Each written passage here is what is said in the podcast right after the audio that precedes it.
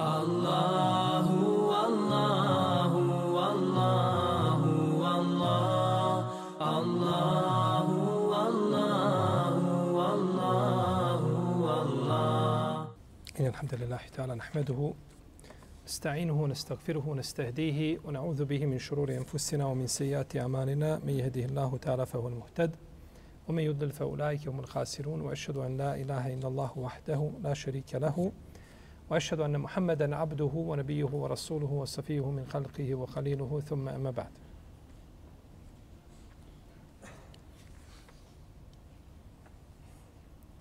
Mi smo u prošlim predavanjima govorili o ajetima u kojima uzvišeni Allah za ođele spominje svoje blagodati prema kome? Prema Benu Israilu, je li tako? Spominje razno razne blagodati kojim ih je obdario.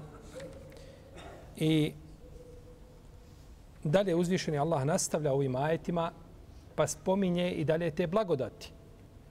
Jer spominjanje blagodati motiviše i stimuliše razumom obdarena čovjeka da se pokori uzvišenom Allahu Azeođele, da se pokori znači, njegovim naredbama i da ostavi njegove zabrane.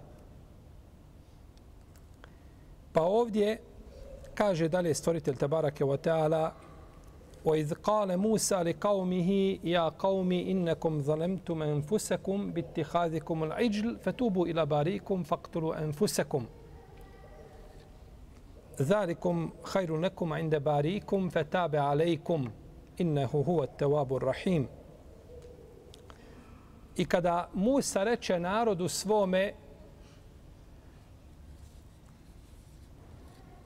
O narode moj, vi ste sebi nepravdu učinili prihvativši tele, pa se pokajte stvoritelju svome ili stvoritelju vašem, pa se poubijajte. To vam je bolje kod stvoritelja vašeg, pa im je oprostio, on je taj koji mnogo prašta.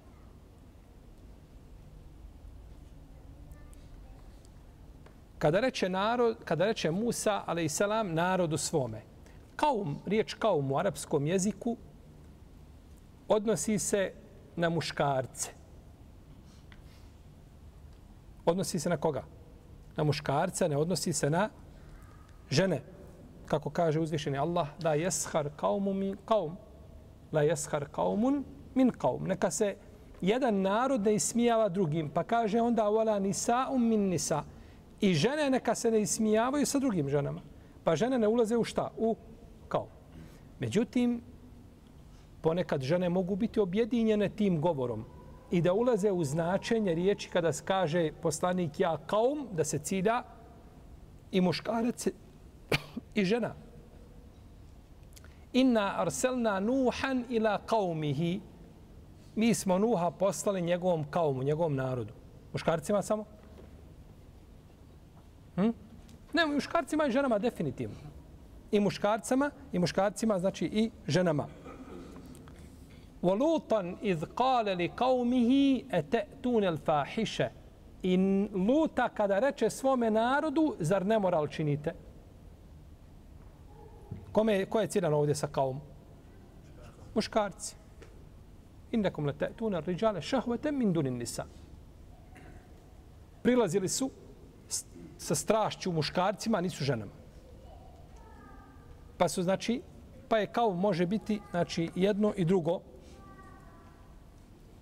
Šta je ovdje kao? I kada reče Musa narodu svome, vi ste sebi nepravdu učinili time što ste tele počeli obožavati. Muškarci ili žene? I jedni i drugi.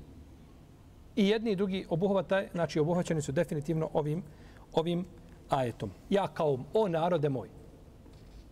Oni su počeli obožavati šta? Tele, a on im kaže o narode moj. Pogledajte milosti, blagosti poslanika prema njegovim šta? Sledbenicima nakon najvećeg čega? Grijeha koji se može počiniti. Poslanik, ni jedan poslanik nije došao prevashodno nego da anulira širk, da ga, da ga iskorijeni. To mu je osnovna zadaća. To ako ne uspije, da ljudi na seđdi umru, ništa napravio nije. Odnosno da kažemo nisu one na, napravio u smislu da je on prenio poslanicu, to definitivno. Ali nije znači njegova dava uspjela kod ti šta. Ljudi nisu mu se odazvali, bolje tako kazati. Pa ako mu se neće pokoriti u osnovi teuhida, da ne čine širk nikome, onda znači nisu se pokorili ni u čemu. Onda se nisu šta pokorili ni u čemu. A poslanik je naravno svaki uspio u svojoj misiji jer on je dostavio ono, ono čim, što, čime, jeli, čime je zadužen. I to je njegova zadaća. A nije njegova zadaća da neko mora prihvatiti ili mora šta, ili će šta? Ili će odbiti. To nije u ruci nijednog od poslanika. Pa kaže ja kao o narode moj. I ovo ukazuje da čovjek treba biti prema griješnicima umjeren, blag. Jer da bi on prihvatio, znači, da bi on prihvatio ono čemu ga pozivaš, moraš mu nastupiti na ovakav, na poslanički način.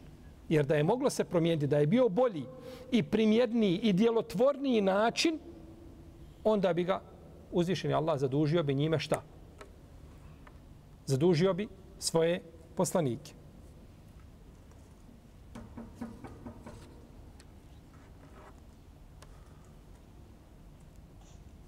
Ja kaum ja kaumi innakum zalemtum anfusakum O narode moj, vi ste sebi nepravdu učinili. Biti hadikum al Tako što ste tele počeli obožavati. Ovdje smo kazali prošli put da nije spomenuto da nije spomenuto šta? Da je ovdje trebao i drugi objekat, je tako? Ali je spomenut samo jedan. Nije spomenuto da su oni počeli šta? Obožavati tele. To nije spomenuto. Zato što je ovdje pitanje obožavanja teleta a, toliko prezreno da ga ne treba šta? Pojašnjavati. Pa je to izostavljeno.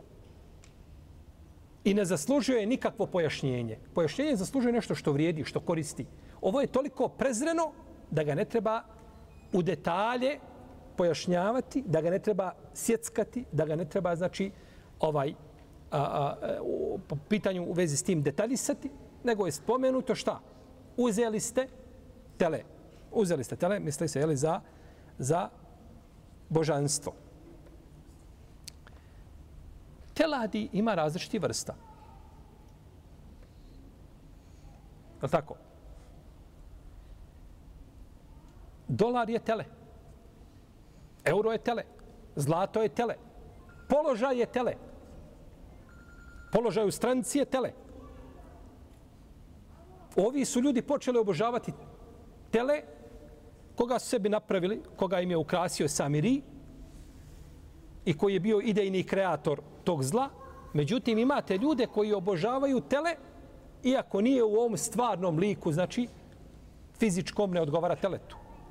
Pa sve što se nalazi u srcima ljudi i čemu ljudi teže mimo uzvišenog Allaha u smislu da se na njega oslanjaju i da njemu svoje razmišljanje i, i, i ovaj svoju snagu i svoj kuvet posvećuju i od njega očekuju, to je tele.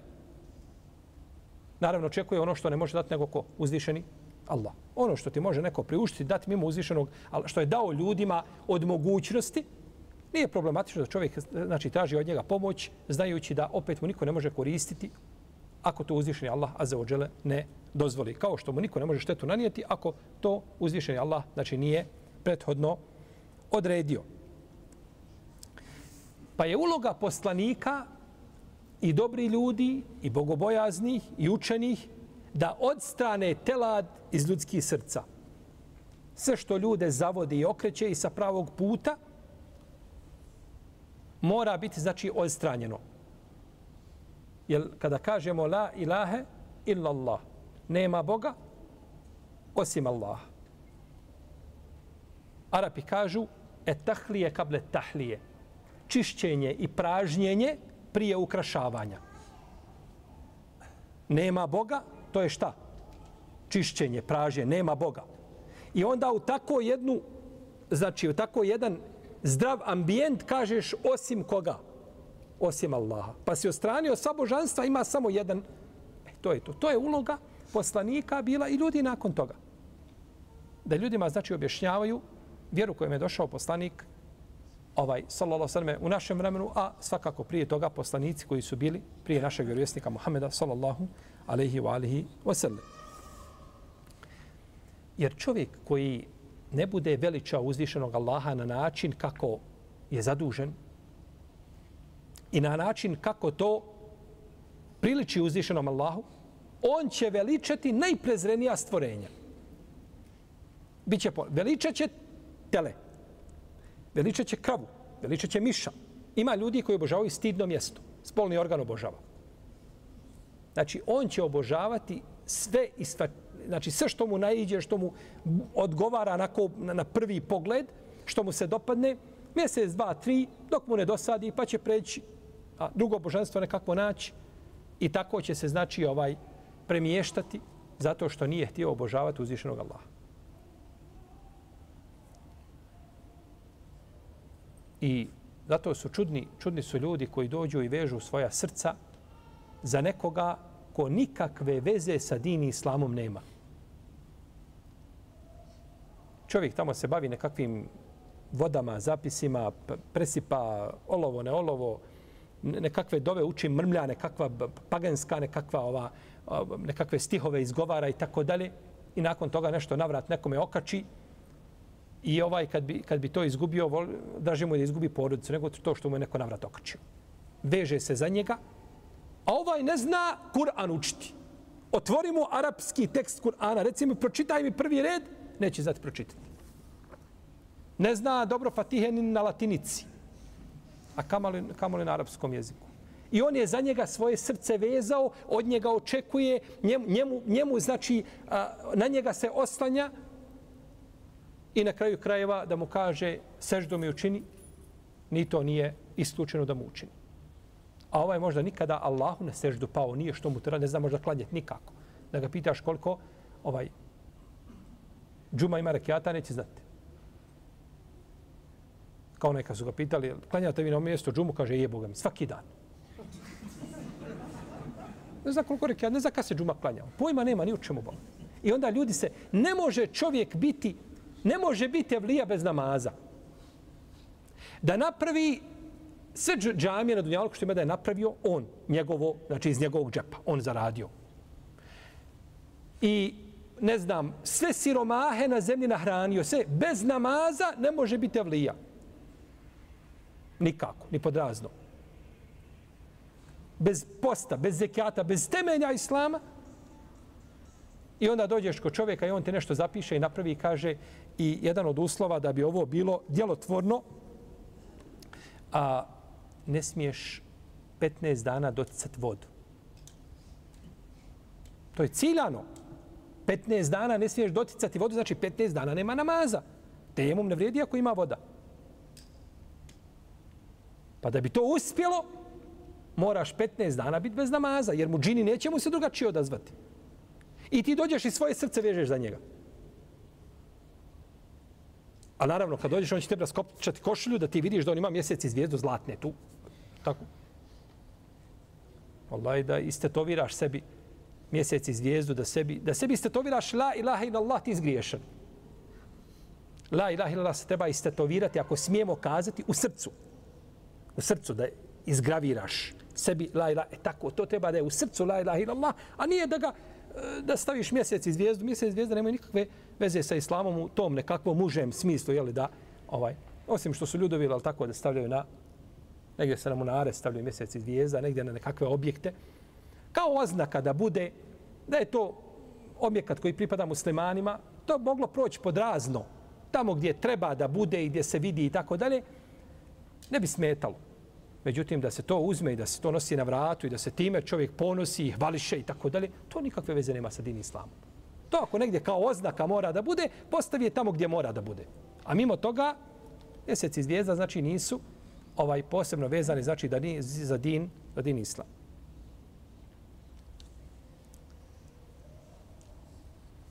Kaže ja kaum innakum zalemtum anfusakum bittihadikum al-ajl. Vi ste, kaže, sebi nepravdu učinili time što ste tele, što ste, znači, tele prihvatili. Fetubu ila bari ikum. Pa pokajte se stvoritelju svom. Od velikih Allahovi blagodati prema čovječanstvu jeste da ukaže ljudima kako da se kotarišu grijeha koga su, koga su učinili. Zamislite da je uzvišen Allah objavio ljudima ili da je rekao robovi moji, ko mi pogriješi, ima način za te obu, ali ja vam ga neću kazati. Pa vi ičti hadite, svako na svoj način, neka se kaje, pa ko pogodi, pogodi, primić, ko ne pogodi, ide u džehennem. Kako bi to opterećenje bilo? Da ti moraš sjediti po cijelu noć misliti kako ću ja sutra da se i pisati sebi načine pokajanja, kako bi se ja mogao pitati komšije šta si ti radio da se poslužim tvojim iskustvom i opet ne znaš jesi li pogodio. Ne, nego ti uzvišeni Allah da kako ćeš se šta? Pokajati. Pa ovdje uzvišeni Allah ovim ajetima govori o Allahovim blagodatima prema kome? Prema Benu Israilu. Dobro, blagodat poubijajte se. Ma nije u tome blagodat da se ubijaju. Blagodat je ovdje u teobi. Ali je lijek za teobu šta? Gorak. Težak. Ali ga je bolje popiti i uzeti nego cijeli nakon toga vječnost konzumirati gorko u džehennemu, je tako? Pa je bolje čovjeku da izgubi ovaj dunjalučki život i da zasluži Allahov oprost, njega će svakako izgubiti, jednog dana će proći, jednog dana neće ni crvima više biti interesantan. Ni oni će bježati od njega.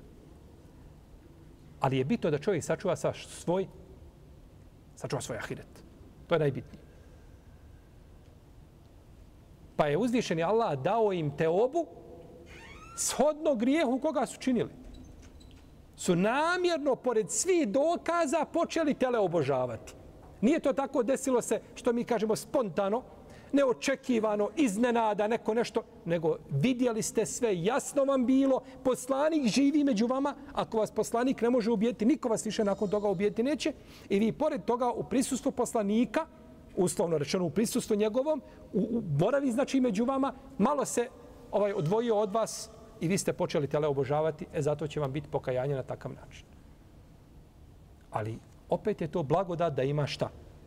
Da ima znači pokajanje i da se mogu i da se mogu pokajati taman to bilo da se poubijaju.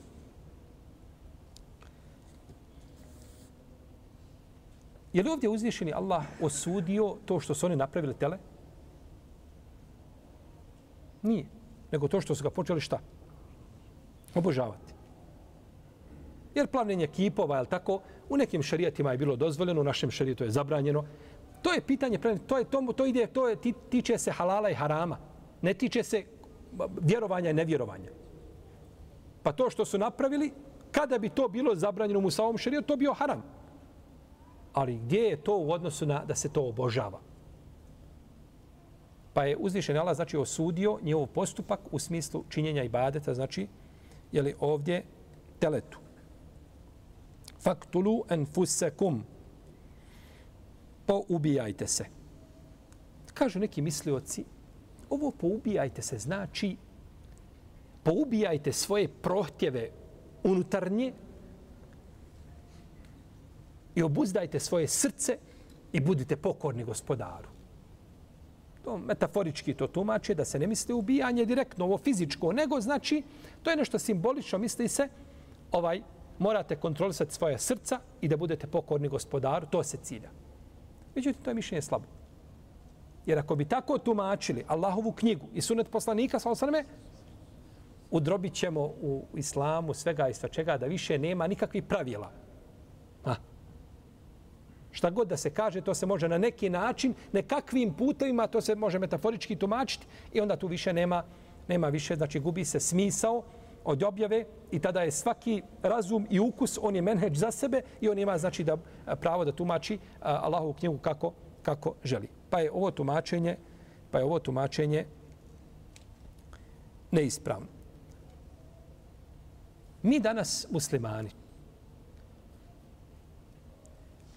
Teuhida imamo tri vrste, je li tako? Imamo teuhid uluhije, teuhid urububije, teuhid ulesmaju sifat. Tri vrste teuhida. A ova podjela tevhida, ona nije došla u sunnetu poslanika, sa osrame, niti je bila poznata kod prvih generacija. Kao što ni riječ u sulul fik nije bio poznat kod prvih generacija. I Omer nikad nije čuo za usul fik. To je kod njega nepoznato bilo. Niti je Omer nikad čuo za iklab, za tu riječ. Ni idgam, ni ihva, ni išmam. Ništa nije za to čuo nikada. Ali je to znao šta? U praksi. Pa ta imena nisu suštinske važnosti. Ta podjela je samo da ti lakše učiš, ništa više od toga. Protivno mi ne obožavamo Allaha time što ima podjela na, na takav način. Ne, nego ga obožavamo time što znamo da je on naš, ovaj, da je on jedini, jedino božanstvo koje smije biti obožavano. Jedino istinsko božanstvo koje ljudi smije obožavati. I to je teuhidul uluhije da je onaj taj koji te obskrbljuje, koji te je stvorio, koji, koji, koji te u, u životu održava i to je rububije. I da on ima svoja e, lijepa imena i svojstva savršena i to je lesma osifat. Bitno je da to čovjek zna. A podjelu i kada ne bi znao, ona nije suštinski, nije prevashodno ciljana, nego je ta podjela došla da bi ljudi lakše shvatili, razumjeli i lakše izučavali teuhida, ništa drugo. Kažu podjela teuhida bida. Ti ne znaš šta je bidat živ bio. Moraš prvo nu šta je bidat. Onda ćeš nakon sve nauke koje su došle posle toga, morat ćeš i u hadijskoj nauci što su došli el, ovaj e, el džerhu wa ta'dil, što je došlo, sve što su došle u hadijskoj nauci, u tefsirskoj nauci, podjela ajeta ti ćeš morati ovaj, e, morat ćeš na mekanske, na medijinske, sve što tome morat ćeš kazati da je to sebi dat. To je došlo na lakše izučavanje. Pa imamo te tri vrste e, teohida koja su kasnije učenjaci su i podijeli. A eluluhije, rububije, elesma, elesma o sifat. Ove tri vrste sa kojom muslimani imaju puno problema sa uluhijetom. Sa uluhijet definitivno. I ostali ljudi posebno. Mnogi muslimani, a ostali ljudi posebno.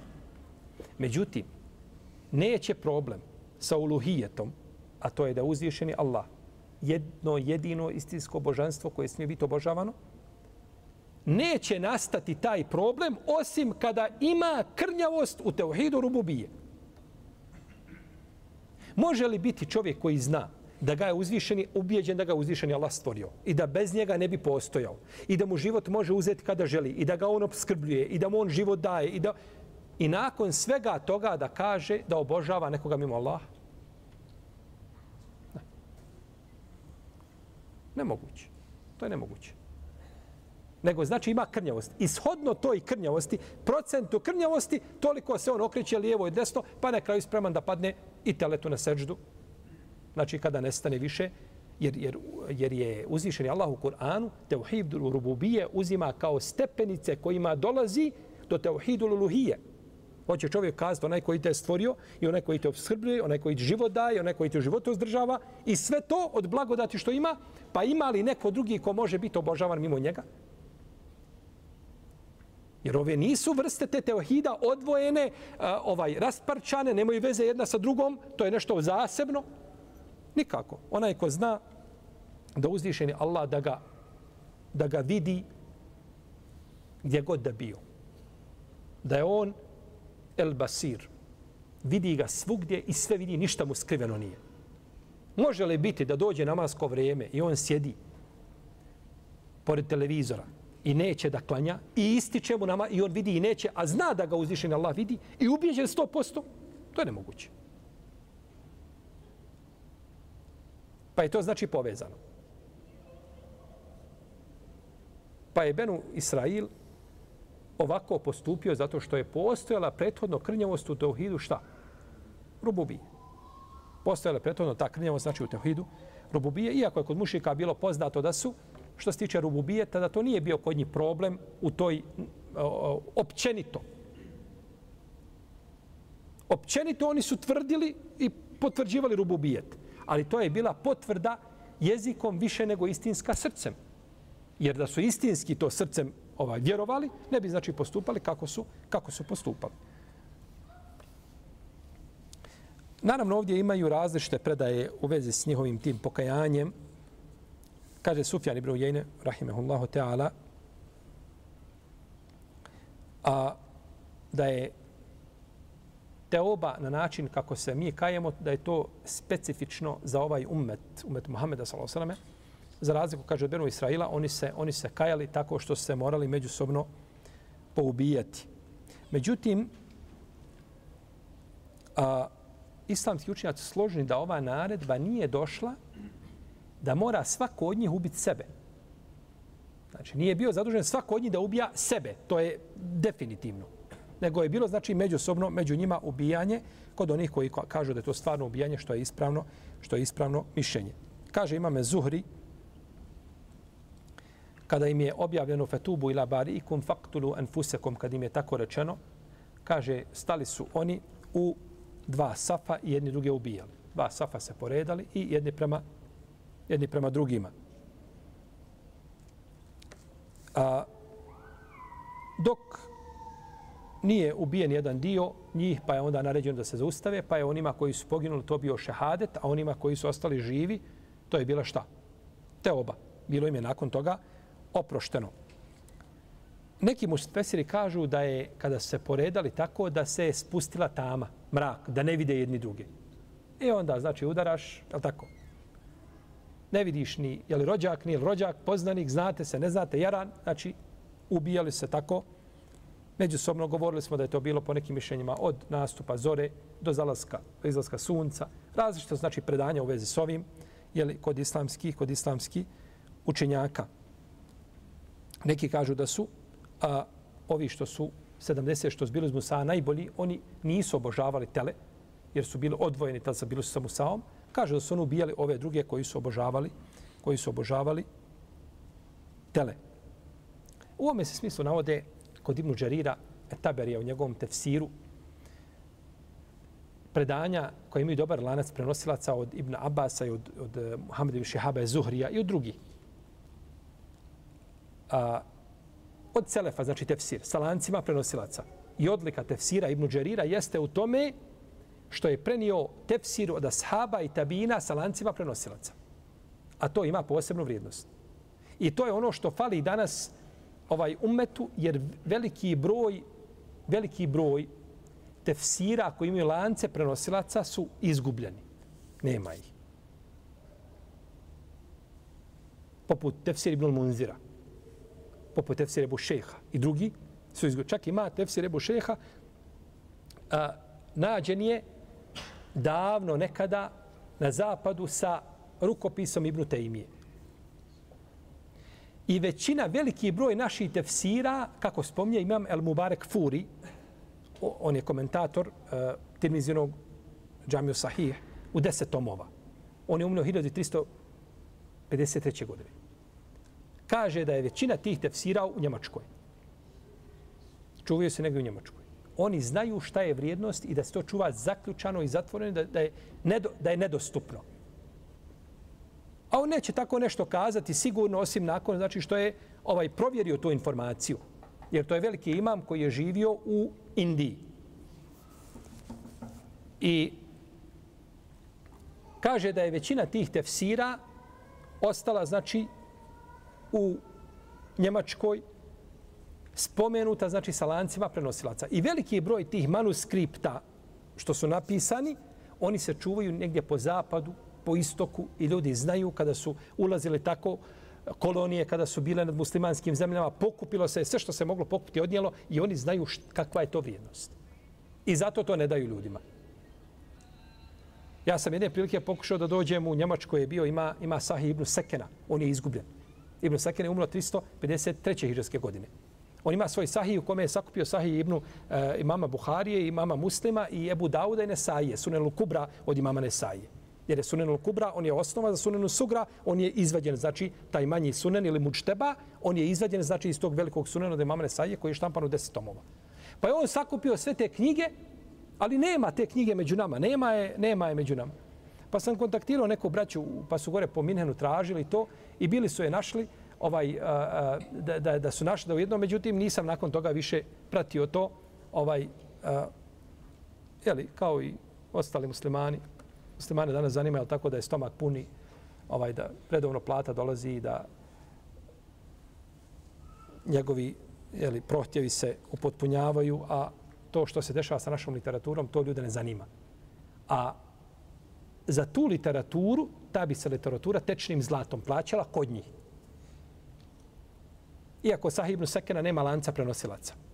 On, on, nije, on nije prisao knjigu sa lancem prenosilaca, ali bi se našle njegove ocjene, jer on je stavljao u svoj Sahih ono što misli da je ispravno. Pa imaš odmah ocjenu Ibn Sekena. A njegove ocjene su na stepenu otprilike Ibn Hibana, Ibn Huzeime, to je ta nekakva sredina u ocjenjivanju hadisa. Uglavnom, koristila bi ta knjiga da se nađe, međutim, nema je, ona se čuva negdje na zapadu, a mi je muslimani nemamo. Ne znači to da je izgubljeno nešto od hadisa, Bože sačuva jedan hadis jedini nije izgubljen, vjerodostojan definitivno. Međutim, što imamo više tih knjiga, to je bolje, tako je po pitanju tefsira, tako je po pitanju govora ashaba i slično tome. Pa, da se Allah smilo Ibnu, Ibnu, Ibnu Đeriru Taberiju, koji je rekao svojim učenicima, kaže, ko će, kaže, zapisati tefsir da vam diktiram na 30.000 stranica. Pa su kazali, život je za to kratak. Ko od nas toliko živi da bi to mogao napisati? Dobro, kaže, poštedit ću vas pa ću vam izdiktirati na 3000. Pa je izdiktirao tefsir na 3000 pa je danas štampan u 15 tomova. Znači da je bilo, bilo bi 150 tomova, bio knjiga, tako. Tako isto svoju historiju. Svoju veliku historiju je, znači, a kazao ko će da mu izdiktiram na 30.000, a kažu nemoj, nego na 3.000, pa izdiktirao na 3.000 sve iz pamćenja, rahimahullahu ta'ala. To su znači bile enciklopedije din Islama i prenosili to.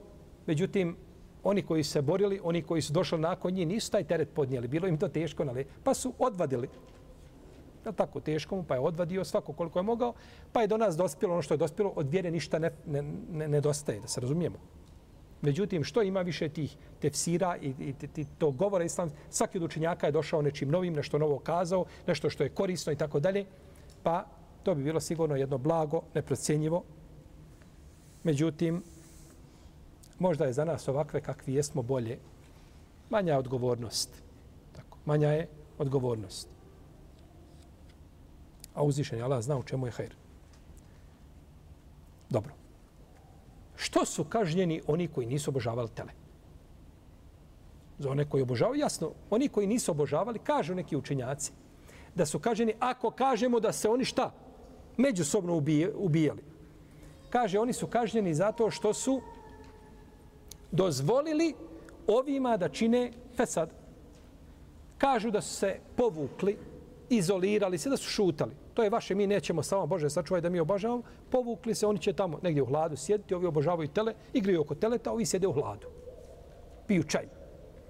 Oni neće sa njima. Pa su kažnjeni zbog toga što nisu osudili šta?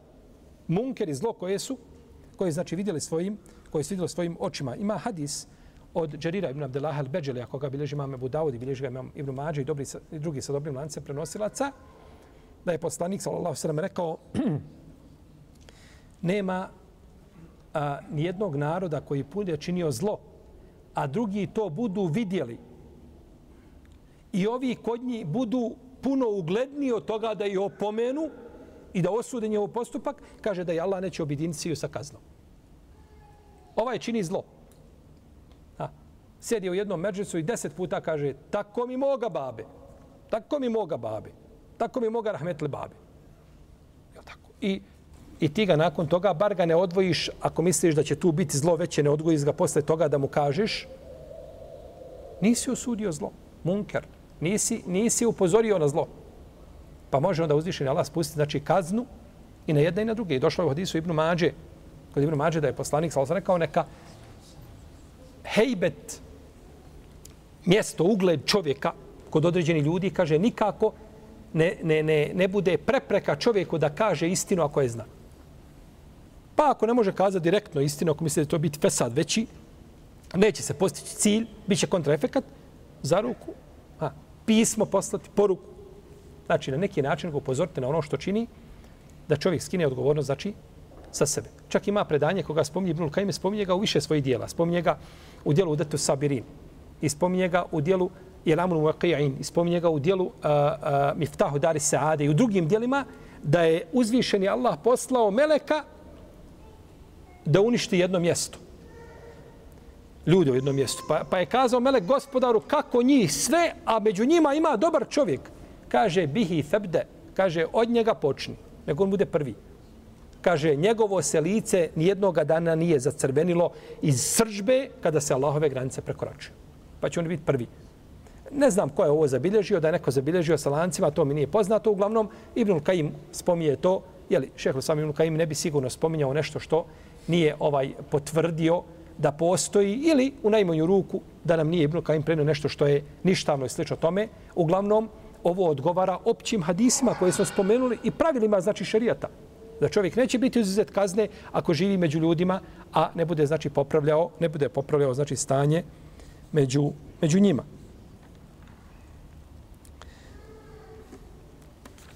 Dobro.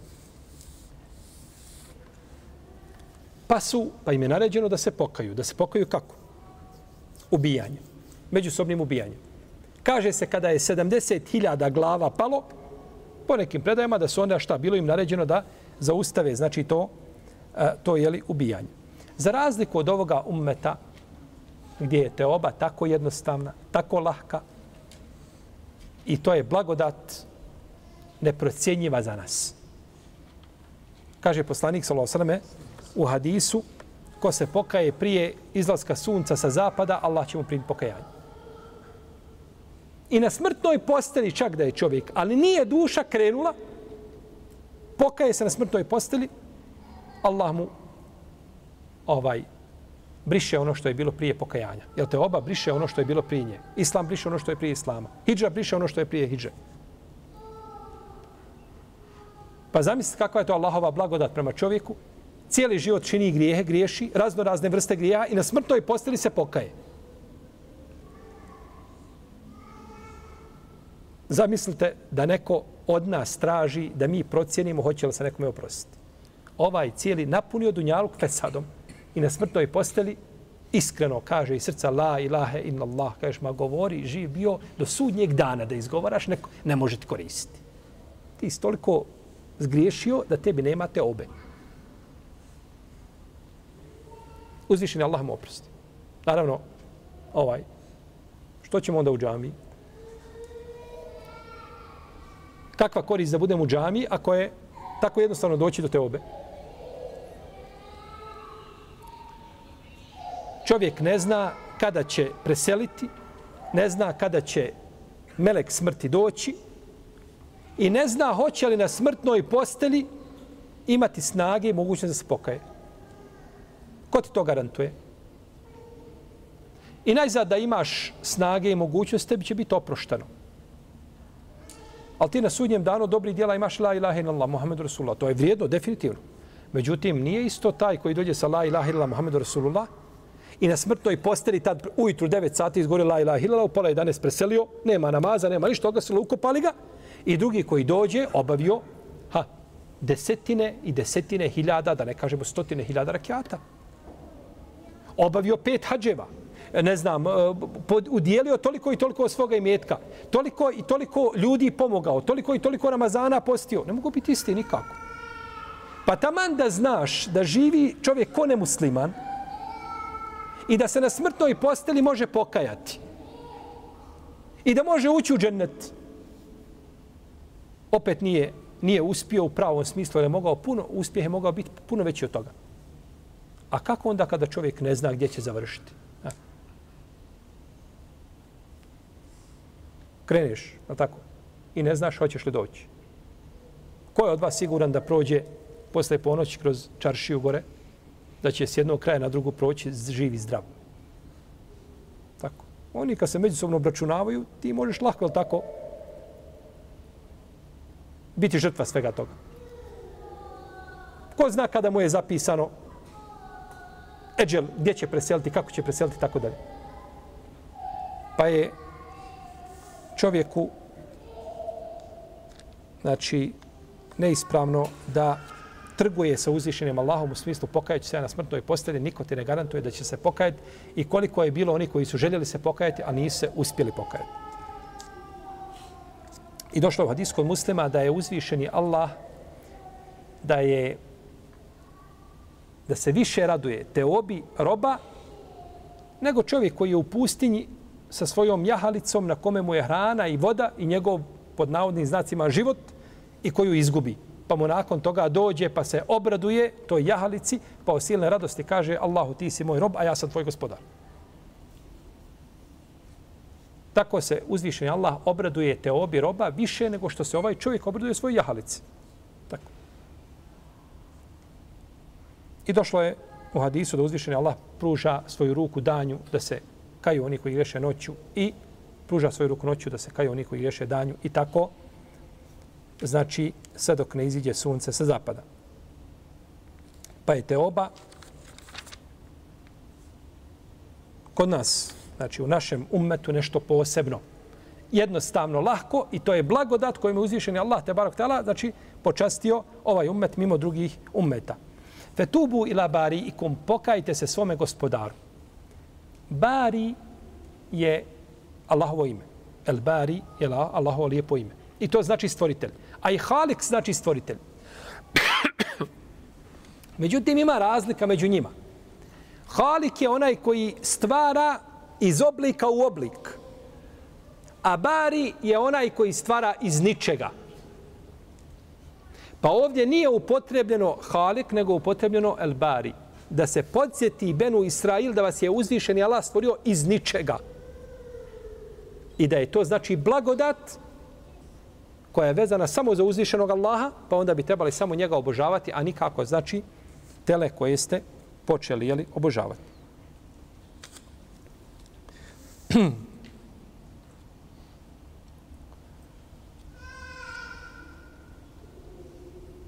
Dobro.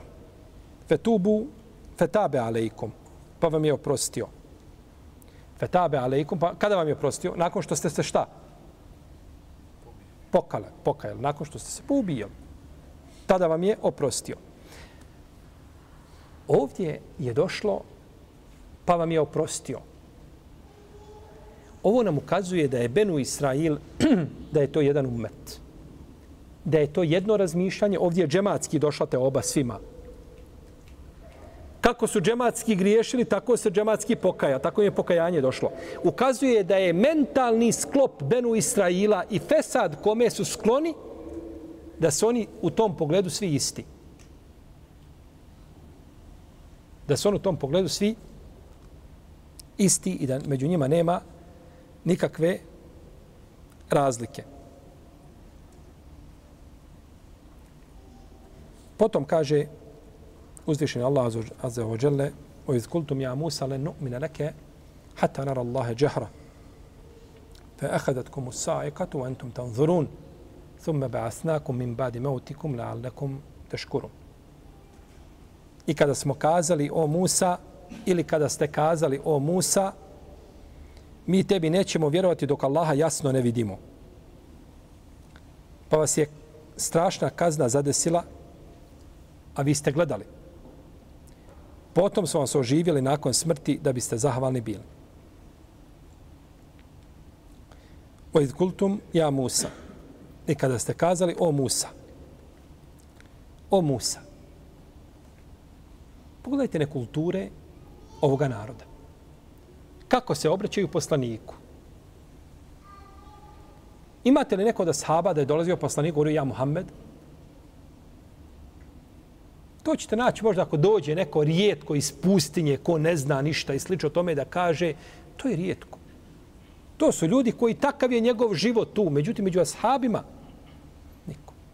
Odnos ashaba, poslanika, sa osaname, prema našem poslaniku, je nešto što razum ne može pojmiti.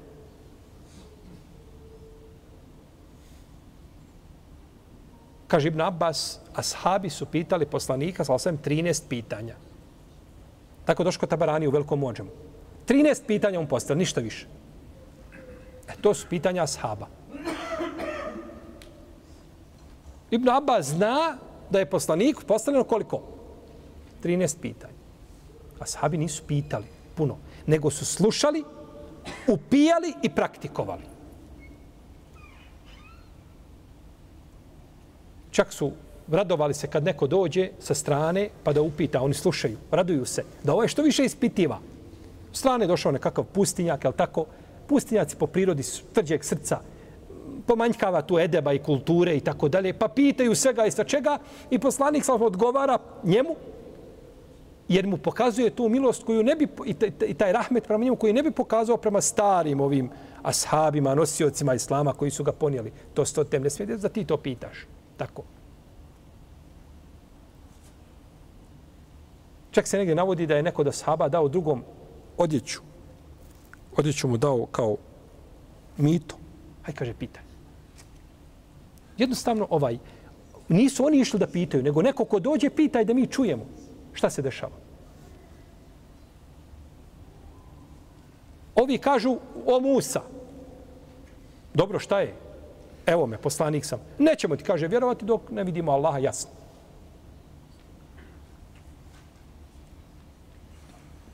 Pa je to kranja kulminacija, znači nekulture sa poslanikom. I oni su a, bili stručnjaci, umjetnici za provociranje poslanika i pokazivanje svoga kufra prema njima i njihov, njihov, njihovo je zijećenje i uznemiravanje. Nije bilo umeta poput njih. Jedne u lažu gonili, druge u, u, ubijali. Ovaj. Nećemo ti vjerovati. Nakon svega, Musa, ne vjerujemo ti živ bio dok nam ne dovedeš da mi Allaha gledamo svojim očima. Len nu'mine leke. Len u arapskom je negacija za budućnost.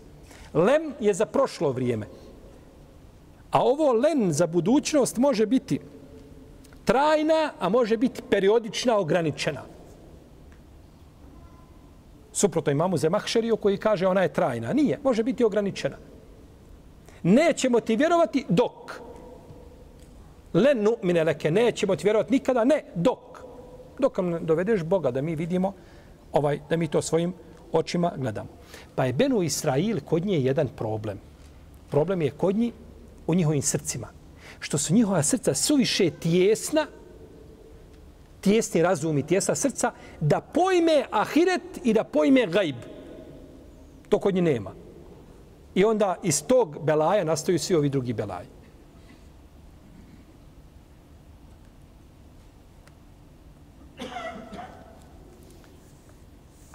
Kažu, nećemo ti vjerovati dok nam ne pokažeš Allaha jasno da ga vidimo. A vjerovanje u poslanike je obaveza nakon što a, pokažu svoje muđize poslanici. Je li Musa pokazao svoju muđizu? Definitivno. Prolazak kroz more je velika muđiza. I šta su oni nakon toga? Nećemo ti vjerovati. Ko je to rekao nećemo ti vjerovati?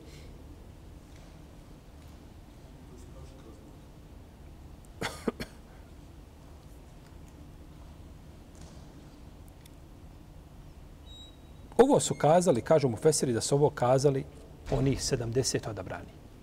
Najbolji. Najbolji narod. Njegov, najbolji njegovi ashabi, sledbenici, kažu Musa, nećemo ti vjerovati, džabatije dok ti nama ne uradiš tako i tako. Mi ćemo tebi kazati šta ti trebaš uraditi, pa ćemo mi tebi vjerovati.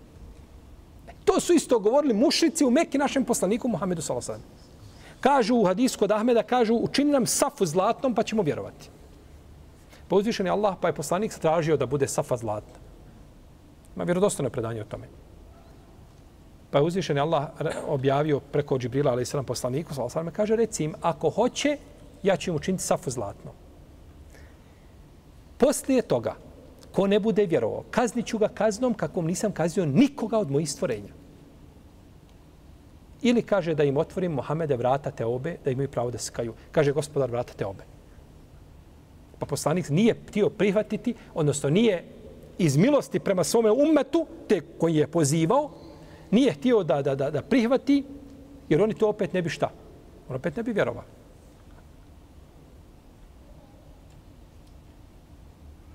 ولو فتحنا عليهم بابا من السماء فظلوا فيه يعرجون لقالوا انما سكرت ابصارنا بل نحن قوم مسحورون اذا im nebeske kapije otvorimo i da se penju gore oni bi kazali to su naše neko, nam, neko nas je opsihrio ne vidimo mi to dobro ne bi povjerovali posle svega pa uzvišeni Allah poslanica nije htio ne kaže vrata te obe milosti gospodaru Pa su vrata te obe ostala, pa su nakon toga mnogi primali islam nakon oslobođenja Mekke i posle toga u etapama kako je ko primao islam i veliki broj tih ljudi, da ne kažem većina, je ušla znači u din islam.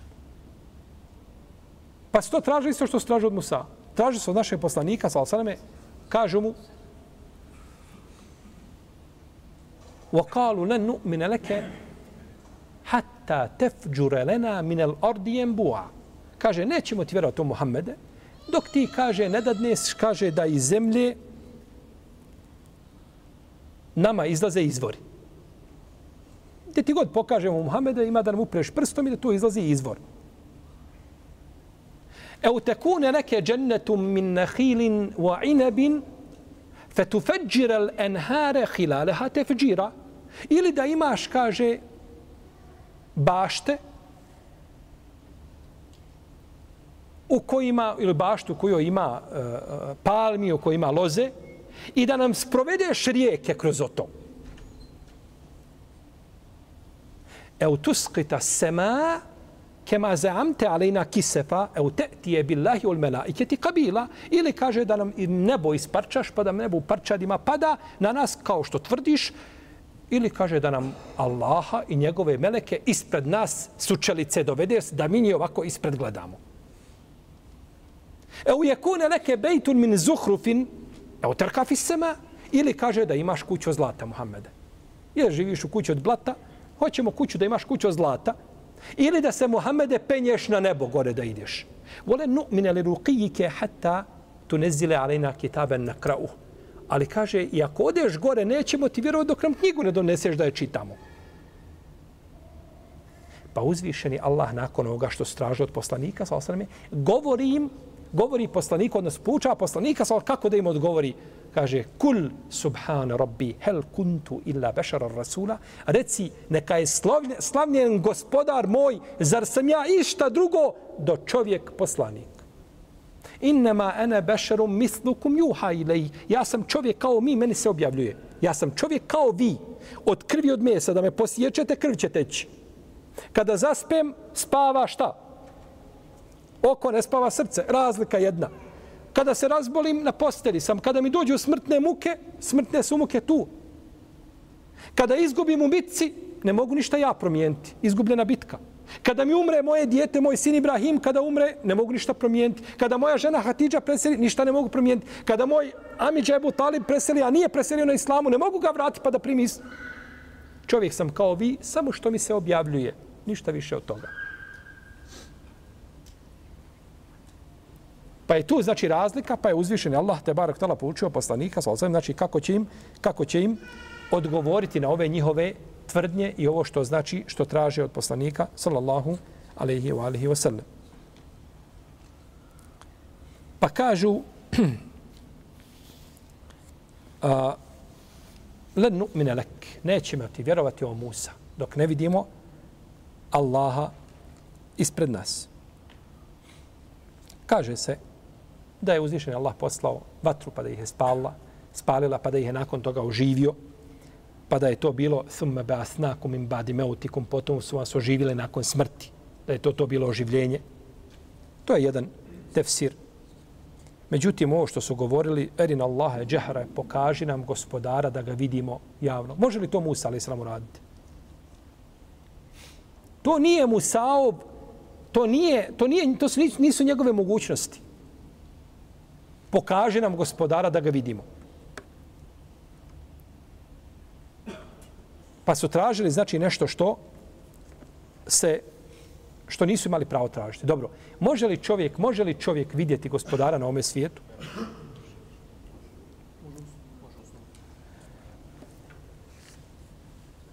Viđenje gospodara na ome svijetu i na ahiretu poriču samo novotari. Viđenje Allaha na ome svijetu i na ahiretu. Pazite dobro. Govorimo u paketu. Poriču samo ko? Novotari. Allah se može vidjeti na ahiretu, a neće se vidjeti na dunjaluku. Ali negirati viđenje i na dunjaluku i na ahiretu zajedno neispravno. Negiraj viđenje na dunjaluku, da. Iako je viđenje uzvišenog Allaha na dunjaluku shodno razumu i logici dozvoljeno. Nema u tome ništa a, a, van razumno. Međutim, šerijatski je nemoguće. Jer to se nije desilo. Ali zašto kažemo da je laz razumom dozvoljeno? Zato što je Musa tražio da vidi Allah. A može li poslanik nešto tražiti, nešto što je van razumno? Ne može. Ne može poslanik tražiti nešto što je nemoguće, što je van razumno. To poslanik ne može tražiti. Pa dok je tražio, znači razumom je moguće, ali šerijatski se to nije šta? Desilo. Znači šerijatski se to nije desilo. Dobro, ima hadis da je Musa a.s. rekao gospodaru moj, da li ti spavaš? Pa je uzvišen je Allah objavio Džibrilu, kaže reci Musa'u neka uzme dvije staklene posude kao flaše, nešto u tom smislu kao boce, i kaže neka drži oba dvije ovako zajedno i neka ne spava. Pa je Musa tako, u nekim spreda navodi da, to, da mu je naređeno bilo da ode na brdo. I ovaj hadis bilo živnu dževzi i drugi. Pa je Musa, ali sam bio do jutra, pa do sa, i pred sabah ovaj, malo ga prebaci i razbije oba dvije boce. Pa mu je rečeno, Musa, jel, sad znaš odgovor. Da uzvišen je Allah spava koji održava nebesa i zemlju, tako bi se desilo. Kako je Musa mogao tražiti? Kako je mogao pitati da li Allah spava nešto što je van Nemoguće da uzvišen Allah zaspe. Jer o, spavanje san znači odstutstvo od nečega i san je kao produkt umora i tu su negativnosti mnogi, je tako? Pri čovjeku. Spava ko zaklan. Oko njega se dešava, ništa on ne zna, zato što si umro, zato što izmorilo se tijelo. I da ne ospavaš dvije, tri, sad su metode mučenja ljudi po zatvorima, ali tako, da mu ne da da spava. Najgore, najgore vrste eh, mučenja koje mogu biti i zločini koji se čine ovaj, na, na zatvorenicima, na, naročito muslimanima, je tako? Ovaj, to je da mu ne da da spava. Pa je san produkt manjkavosti, krnjavosti tvoje i moje. Ovaj hadis je batil. Hadis ne ispravan. Nije to Musa a.s. nikad pitao gospodara tako. Nije to potvrđeno. To je hadis, je taj imam El Beheke ga je smatra slabijim i drugi islamski učenjaci odbacili ovo predanje. Pa to poslanici nisu tražili. Dobro. Viđenje Allaha na Dunjaluku, kaže se u ajetu, len terani, nećeš me vidjeti. Len je negacija za šta? Na budućnost. Jesmo li kazali da, da je stalna ili može biti ograničena? Može biti stalna i ograničena. Suprotno onima koji kažu da je stalna, oni kažu nećeš vidjeti Allaha gdje? Ni na ahiretu, ni u džennetu ga nećeš vidjeti. Hoćemo Boga. Inša Allah, teala, ja rob. Da ćemo vidjeti naše gospodare. Dobro, imamo ajet kome kaže u džuhu jeume idin nadire ila robbiha nadire. I neka dana će lica toga blistava biti u svoga gospodara će gledati. Imamo negaciju gledanja i imamo potvrdu čega? Gledanja. Zapamtite. U šarijatu, kad god dođu dva argumenta koji se na prvi pogled međusobno suprostavljaju, ko se ima kontradiktornost, postoji treći dokaz koji je pomirio ta dva dokaza. Nisi ostavljen tako, ima ovo, ima ovo i ti gledaš. Ne, postoji treći dokaz, samo što ti i ja ga ne znamo. Ali treći dokaz mora postojati. Poslanik Ali Salasalam u hadisu, gledat ćete vaše gospodara na sudnjem danu kao što gledate ovaj mjesec. Kad je pun mjesec, 14. lunarne noći, vidi se pun, ne sumnja niko da vidi mjesec, tako ćete vidjeti vaše gospodara. I o tome imaju mutavater hadis.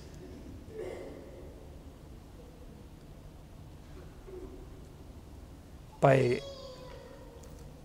nemogućnost viđenja je na ovome svijetu zato što građa naših tijela nije jaka da izdrži da to vidi. I kada se gospodar otkrio brdu, فَلَمَّا تَجَلَّا رَبُّهُ لِلْجَبَلِ جَعَلَهُ džalehu. Kad se otkrio brdu, šta je? U prah se pretvorilo. U harre Musa sajika. I Musa u nesvijest, u nesvijestio se odmah. Ti nisi, tvoje oči nisu, a, nisu, d, ni, ni, a, građa tvojih očiju nije podložna tome To će biti u ahiretu, će biti drugačije, pa ćeš u ahiretu moći, na ahiretu ćeš to moći gledati. Jer na ahiretu nećeš imati tijelo, je tako, koje imaš ovdje, nećeš imati, nećeš imati tako, nećeš se znojiti, nećeš pljucati, nećeš a, fiziološku obo, potrebu obavljati, brade imati, nećeš, golobrat ćeš biti. E, kome je teška, a ne bi trebala da bude, neće, na ahiretu nećeš imati šta brijati, je tako? To su, to je ahiretsko stvorenje. Ti si tada ahiretsko stvorenje, dženecko stvorenje, nisi više od dunjalučko.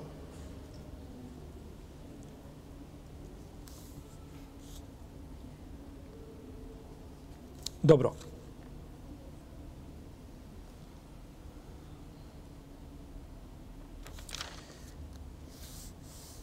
Pokaže nam gospodara, govorit ćemo o ome viđenju, e, gospodara Azeođela, ovo što je spomenuto, ovo što su oni tražili u suri Nami, suri Araf, dodato ćemo dojdu toga, inša Allah. I kaže, mogu bi historiju napisati na jednu stranicu, a Pokazujem gospodara Džahraten, jasno da ga vidimo. To se ponavlja.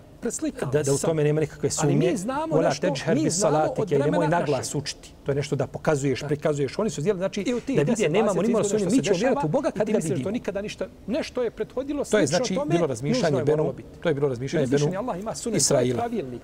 Ima I ovdje kada se kaže džahraten, oni su time htjeli da isključe mogućnost viđenja Allaha u snu. Dobro, hajte vi zaspitajte pa ćete vidjeti Allah šta. Stopuje, u snu. mora biti armija, ne, ne, ne. mora biti. Hoćemo mi to sad ovdje najavi da se to vidi. Da se to zna, da se to zvaniči i onda ćemo mi tebi Musa, onda ćemo mi tebi vjerovati, a pitanje je veliko da li bi vjerovali. Znači da taka ima pravilnik, moraš se držati pravilnika. Pa ih je uzeo, u medicini pa ima pravilnik. uzela strašna kazna i zadesila. U popravljanju ljudi ima pravilnik. Veznik je došao, Pri griješenju ima pravilnik. Dok su to kazali, pokažu gospodara da ga jasno vidimo, odmah su Pravilnici Allahovi, Allahovi sunneti postoje. I to samo pokazuje znači da su ti ljudi samo za kazne. I oni će se ostvariti. I ništa popraviti ne može nego kazna. Samo problem što ljudi ne čitaju to što je bilo. Samo i zato može znači. Kad govori o pričama priješnjih naroda, ne govori da mi sjedimo eto tako da pročitamo jednu priču kako se nekome nešto Dobro. desilo. Nego, je li ovdje blagodat u kazni ovoj slično, dobilo Kao što se njemu to desilo, blagodat... nemoj biti takav. Izbjegni Allahovu kaznu. Nego čemu je blagodat? Pa je to došlo, znači, to je došlo, jeli, i u džehennem. Ciljano i najpreči su ljudi koji žele da poprave jedno društvo, da znaju, da tako, Jer poslanik kada upozorao ljude... Pa znam ja, mi najbolje mi ono što, što prije da mi to riješimo. Pa jedan, pa drugi, Ma pa neko drugo mišljenje. koje se došle. Sve je vezano znači za blagodat. Evo, ima blagodat. Sve je razišla se u lema. tom kontekstu vezano da, da ljudi Braćo, uzmu, znači, ovdje se kaže, svega, a svega posle toga, toga, se kaže summe ba'asnakum min ba'di mautikum potom su vas oživjeli nakon smrti. Ovdje je smrt pa bila. Pa gdje je blagodat? Prava. U oživljenju nakon smrti. Umirali, potom su bile Da vidiš još jedan ajet, dodatni je blagodat tebi. Što uzviši na spominjao Kur'an. Koji nećeš da vjeruješ, nego se, nego se tako dvomiš, kalkulišeš na sve moguće načine, pokušavaš izbjeći vjerovanje. Evo ti svi dokazi. Bio pa si je Allah rekao, umrten i sad si šta? Koji iz svojih domova, a bilo oživljen. ih je. I sad si bilo ih je. Oživljen. Jer ovdje duše su im bile izišle. Na hiljade. Duše su im bile izišle pa su im duše vraćene nazad u tijela da bi svoj eđel šta? Potom i oživio. Ispunio. Jer ko umre nakon ispunjenja eđela, to je završeno. Allah oživio. Ko umre, a eđel mu bio, to me više nema povratka u janu, bio poslanik, bio kogod, nema. Ali znači, ko umre, umro je radi određenog cilja, ali nije eđel ispunio pa Allahom odredbom, onda on može biti oživljen znači kao što je Isa se oživljavao šta? Poslaniku. Te koje je mrtve nisu umrli, znači, nego je Eđel bio daljni, ali su prije toga umrli da bi se pokazala mu džiza jednog šta od poslanika. Tako. Odbili tako se ovdje, pa ovdje je blagodat u njihovom, znači ponovnom, ponovnom, znači oživljenju, koga su, znači, uh, ima men Nehas kaže da je ovo pouka u stvari bila ili poruka Kurejšijama koji nisu htjeli vjerovati u Ahiret. Da će biti, znači, da će biti, da će biti, isto tako, kaže, oni su od Musa tražili više od toga. Fekalu erina Allahe džahra. Ibn Arabi, Mohyuddin. Pa nemoj to što od tebe traže, traže od Musa više, nemoj se, nemoj se znači iznenaditi, nemoj to teško pada. I knjige El Futuhat El Mekije. A oni su narod kaže, koji će, koji jeli, odbija, oni su, kaže, vidjeli Allah. poslanike koji ne prihvata ono čime su došli poslanici. Kada su, kada je zadešao, kada su po, poumirali, ovo bi nešto kada se odvojilo od ovoga svijeta, kaže, tada su vidjeli Allaha, pa su nakon toga bili šta? Pa, pa su nakon toga bilo oženjeni, kaže, to je blagodat. Naravno, to mišljenje je krajnje upitno. To je mišljenje neispravno.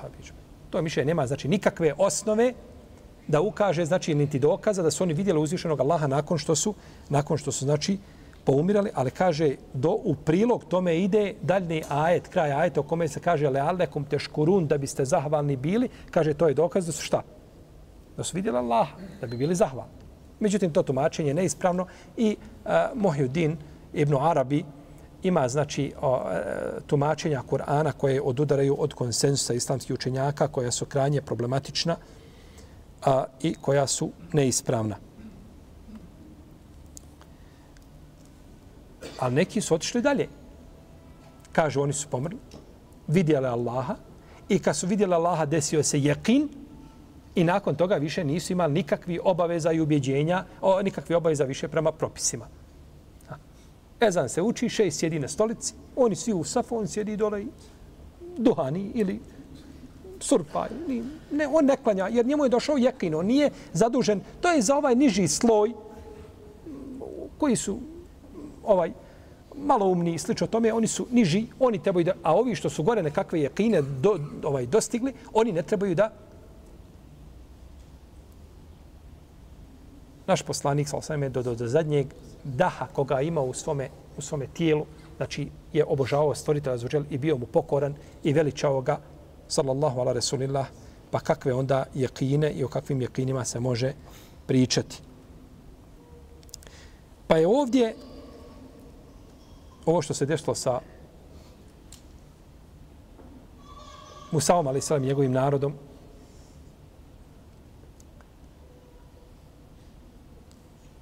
Ovo je u stvari poruka našem poslaniku Muhammedu s.a.v. Kaže mu se, kao da mu se kaže, o Allahov poslaniče, vidiš kako su oni odbili i šta su mu sao, islam radili, na kakve su ga muke stavljali? Pa nemoj se ti čuti zato što oni sad odbijaju tvoj poziv. Kako su njegov odbili, tako će odbiti tvoj. I tako da dolaze poslanici nakon toga, jer ima najviše poslanika dolazilo, to je posebna odlika njima, ne bi oni u tebe povjerovali u Allahu poslaniče. I ne postoji za čovjeka, braćo, bolja stvar od toga da poznaje historiju. Historiju ljudi. Historija je nešto što se ponavlja. Za tebe i za mene je to novo. A za historiju to ništa nije novo. To je bilo i to je nekada prošlo. Samo što mi to nismo čitali pa mislimo da smo mi prve žrtve, ako možemo tako kazati, toga. A to je bilo i prošlo. I zato je jedan od, od od nemuslimana koji se bavi historijom, kaže, čitao sam historiju od Adema do, naši, do našeg savremenog vremena. I kaže, mogao bi cijelu historiju napisati na jednu stranicu A4 formata. Svoju historiju ljudi. To se ponavlja. Preslikava se samo. Ali mi znamo nešto, mi znamo od vremena našeg. Na. I u tih 10-20 izgodina što se dešava i ti misliš da to nikada ništa, nešto je prethodilo slično tome, nužno je moralo biti. Jer uzvišeni Allah ima sunen, to je pravilnik. Ima pravilo, historija ima pravilnik svoj. Čovjek koji gradi, koji je građevinarac ima pravilnik, je tako? Ova, ovaj stup kad se pravi, on dole mora imati ispod šta? Stopu, je tako? Mora biti armiran, mora biti ploča raspon, kada je veliki, što se povećava raspon, mora ploča biti veća. Je tako? Ovi što, što, što je građevinu, sada se ne pođu smijeti ovdje što pričamo. Znači na taka, ima pravilnik, moraš se držati pravilnika. U medicini ima pravilnik, u u popravljanju ljudi ima pravilnik. Pri griješenju ima pravilnik. Ljudi griješe, Allah će kazna doći ove ili one vrste. Ranije ili kasnije. Pravilnici Allahovi, Allahovi sunneti postoje i oni će se ostvariti na zemlji.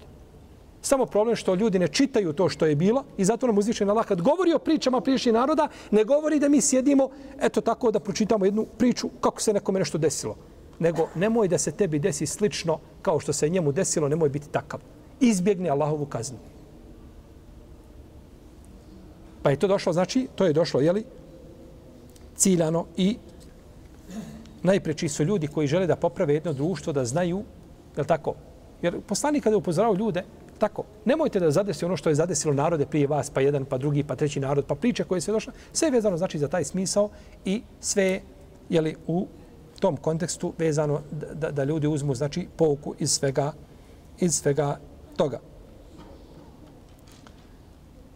Naravno, ovdje je smrt bila prava, oni su zaista poumirali, potom su bili oživljeni, a kao oni što je uzvišen Allah spominje u Kur'anu, alam tara ila ladine harađu min dijarihim, mohum ulufun hadar al mauti, fe kala Allahu, fe kala Allahu lahum mutu, summe ahjahum. Pa im je Allah rekao, koji su izišli iz svojih domova, a bilo ih je, bilo ih je jako mnogo, na hiljade, fa kale lehum Allahu mutu. Pa im je Allah rekao, umirite, potom ih oživio. Kaže se da nešto jedan od poslanika, pa dovio Allahu da ih oživi, pa je uzvišen Allah oživio. Pa su bili, znači, oživljeni, pa su bili oživljeni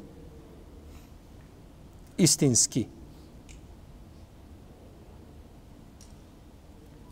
Pa je uzvišeni Allah, znači, u ovim ajetima poslaniku, sa osaname, govorio o stanju Benu Israila i kako se ponašaju, da poslanik sa ne, ne žalosti, da su odbili mu Musaov poziv, da će tako odbiti i njegov, jer oni su kazali, kaže uzvišeni Allah, jes eluke ehlul kitabi en tunezile alehim kitabe mine sema.